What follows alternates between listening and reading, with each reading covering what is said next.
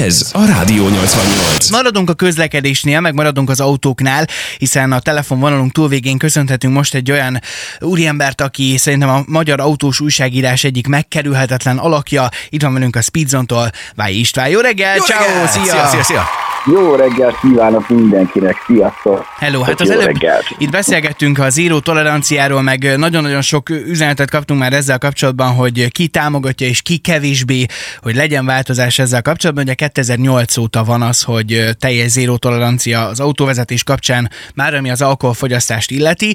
Viszont van olyan fajta információ, hogy talán ez változhat. Te ezt támogatnád-e? Hát nézd, én most eh, lehet, hogy megosztó leszek, de szerintem nincs olyan népeszű ember, aki támogatná azt, hogy, hogy ne legyen zéró tolerancia, sőt, én engem már az is kiakasztott, amikor az volt mondva, hogy a bringán tulajdonképpen fogyaszthat csak annyit, amennyi éppen úgy alakul, de most ezt nem mondja meg senki, hogy ez hogy alakult oda, hogy picit megenged, hát most onnantól kezdve ez, ez, szerintem ne, ne, ez zéró tolerancia maradjon, ahogy eddig. És akkor a, a többi országban, ahol esetleg van három ezrelék, négy, öt ezrelék, ott, ott hogy oldják Hát jó, meg? Vagy hát, más a kultúra, vagy mi az oka lehet? Mi lehet, mi lehet az oka? Na, ú, ez egy messzire vezető beszélgetés lesz, nézd.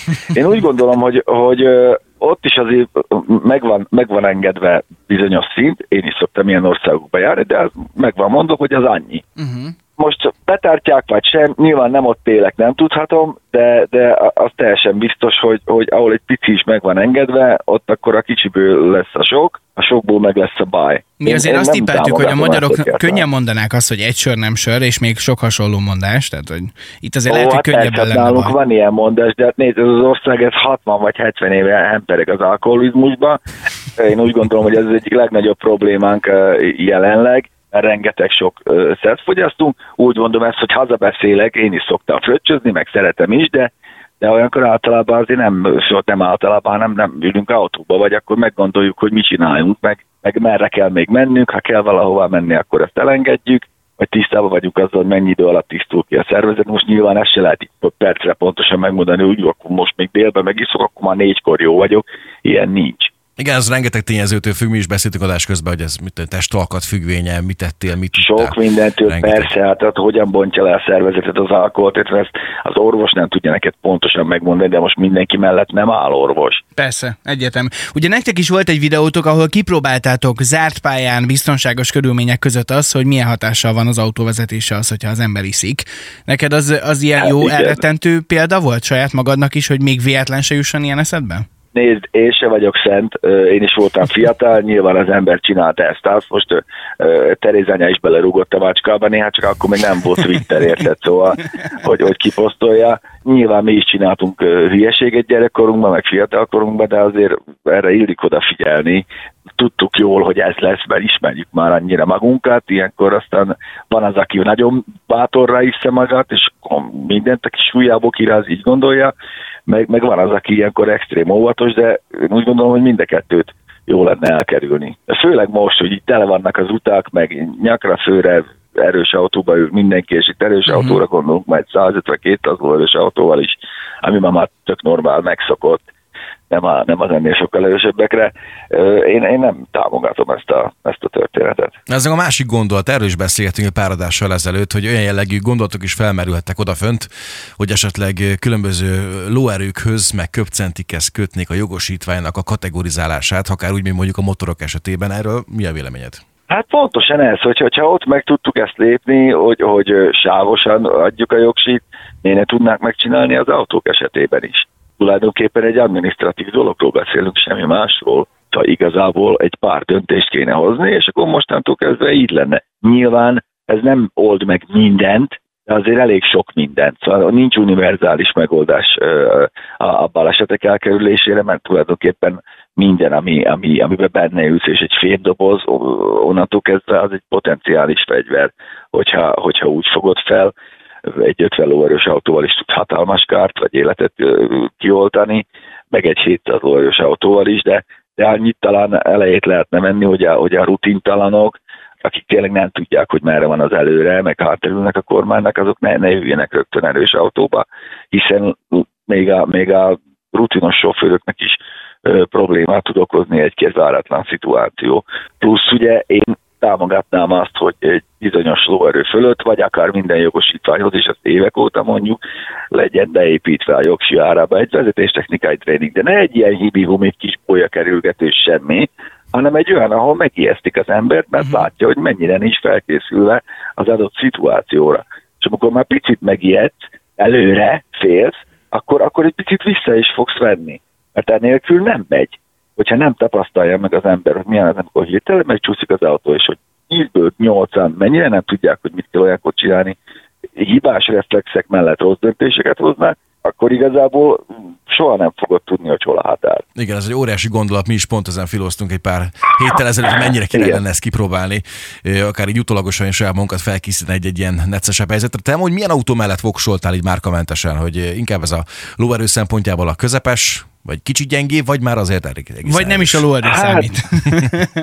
Hát én nem, nem gondolom amúgy, hogy a lóerő számít, szerintem az önsúly sokkal inkább. Egy, nyilván nézd, rengeteg fajta autón volt már, és ez most nem felvágásból, ezek általában ilyen kisebb értékű autók voltak, de volt, volt nagyon gyors is, volt erős is, volt nagyon gyenge is. Nekem volt négy tonnás buszom, ami, ami 63 vagy 64 lóerős volt.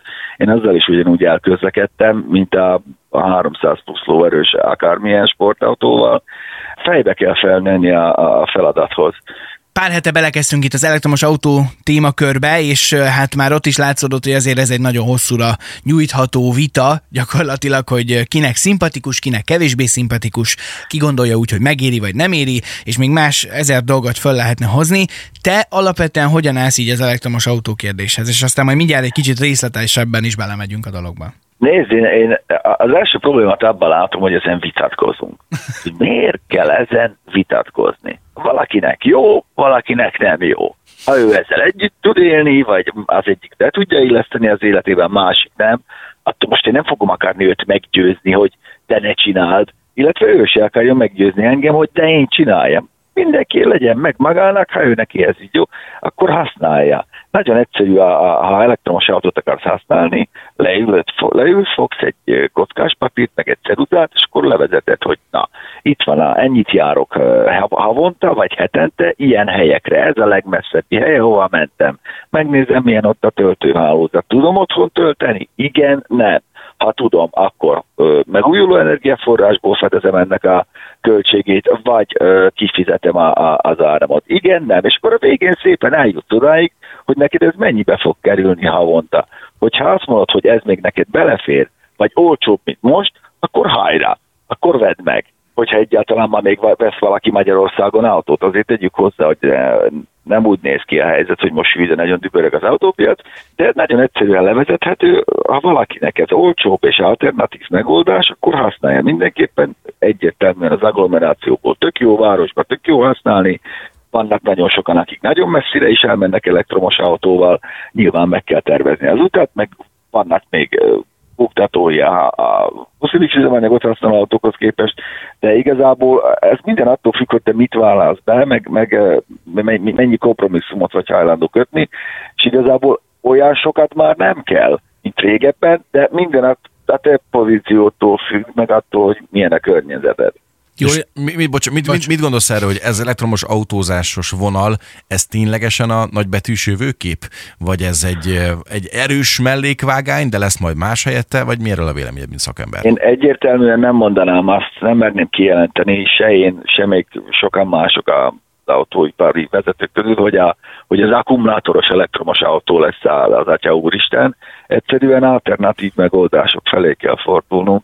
Tök mindegy, hogy ez a most ismert lítium akkumulátor lesz, vagy valami fejlettebb, már ugye dolgoznak ezen is, aminek nagyobb energiasűrűsége van, jobban bírja a gyors töltés, stb. stb. vagy egy teljesen más alternatív mód legyen az a hidrogén, vagy a franc, ami lehet, hogy hörcsögerő fogja hajtani az autóinkat tíz év múlva, vagy a, ugye a mesterségesen előállított üzemanyag, nem tudhatjuk még ezt. Kijelenteni kategorikusan, hogy ez lesz az, nem. Én nem gondolom, hogy olyan dolog, ami a föld készleteit, vagy a, a földből kivett dolgokat használ ahhoz, hogy működjön, az uh, tud teljes mértékben zöld lenni. Biztos tud lenni sokkal zöldebb, de ugye az egész ciklusát kell nézni a terméknek, és ott azért még billeg a mérleg, nyilván környezettudatosabb egy elektromos autó, mint egy belső égési motoros autó, csak nem mindenkinek az életébe illethető be. És pont, és itt kell befejezni ezt a vitát, mert innentől kezdve, hogy de te, de te akkor mérgezed. Nem, nem biztos, hogy én mérgezem. Én is belső égésű autóval járok, a ház, amiben élek, rengeteg napelemmel rendelkezik. Szelektíve gyűjtöm a hulladékot, stb. stb. Sokkal többet tudunk tenni a környezetünkért, azon felül, hogy veszünk egy akkumulátoros elektromos autót, szóval igazából nem ott kell elkezdeni ezt a történetet, meg nem is gondolom azt, hogy, hogy itt kell, kell kezdeni a bolygó megmentését Európából rákényszerítjük egy ilyen alternatív megoldásra az egész autóipart. Én valahogy azt érzem, hogy nagyon sokszor egy-egy ilyen vita kapcsán, vagy beszélgetés kapcsán szóba kerül ez a hatótávpara is. Holott én azt tippelném, hogy akik mondjuk itt élünk Szegeden, azért azon kívül, hogy mondjuk elmegyünk nyaralni, vagy párszor egy évben van esetleg hosszabb utazásunk, én nem gondolnám azt, hogy egy átlag magyar, vagy egy átlag szegedi autós sok száz kilométert egyfené kell üljön végig, és aztán ráfogja, hogy úristen, mert a benzines vagy dízel autómmal én elmegyek akár ezer kilométert egy tankkal. Soha életemben nem ültem még egyfelékkel ezer kilométert autóban, nem tudom, hogy ti hogy vagytok vele. No hát például te nem, de én viszont igen. Én aránylag, igen? velem ez aránylag sokszor, persze, aránylag sokszor előfordul, én ismerem, hogy hogy járunk meg rakva, milyen tempó, hogyan közlekedünk, nekem még ez nem alternatíva, de van, aki, aki teljesen más vonalak mentén mozog, vagy, vagy egyáltalán nem is ment olyan, olyan messzire. Nyilván itt minden attól függ, hogy az átlag, átlag autós az átlagban mennyi kilométert meg hogy megy havonta. Az, hogy vannak olyanok, akik, akik tényleg nekik normál, hogy 4-5-6 órát ülnek autóba egy húzomba és mennek, az egy dolog. Akkor nekik megvan az alternatív ott üljön, üljön akkor egy, egy dízelbe, vagy egy benzinesbe, menjen azzal. Szóval nincs ezzel semmi baj, csak uh, amikor nagyon kirekesztő módon akarunk pusolni egyfajta uh-huh. technológiát a többi kárára, na az a baj egy picit. Tehát Szeged, nézd, Szeged egy nagyváros, jelenleg jó ki van építve, most ha ott elektromos autót akarsz használni, akkor megnézed, hogy mennyibe fog kerülni az elektromos áram, amivel azt feltöltöd. Van-e napelemet, tudod ezt fedezni? Szerintem vígan el lehet ott, el lehet ott lenni, sőt, tulajdonképpen most már Európában is el lehet lenni kisebb-nagyobb kompromisszumokkal elektromos autóval. Nem azt mondom, hogy ú, ez az arány meccés, meg, meg megtaláltuk a fentgrált, engem még idegesítene az a kompromisszum, ami vele jár, meg nem is hiányzik az életemből, még egyszer mondom, de én is elfutkároznék vele itt Budapest környékén be, ugye vidék, vidéken élek be, Budapestre vissza ki, nekem tökéletesen megfelelne, nem is zárom ki, hogy lesz nekünk egyszer a jövőben egy elektromos autónk, hiszen napelemrendszerünk van, tölteni tudjuk, akkor miért ne? Azt, olcsóbb. Azt mondtad korábban, hogy kicsit, mint hogyha megállt volna a magyar autópiac, ez amúgy a zöld rendszámos autókra is igaz? Ott is egy picit visszaesett? Hát nézd, hát ahogy visszaestek a támogatások Európa szerte, azért jól látszik, hogy visszaestek az elektromos autóveladások is.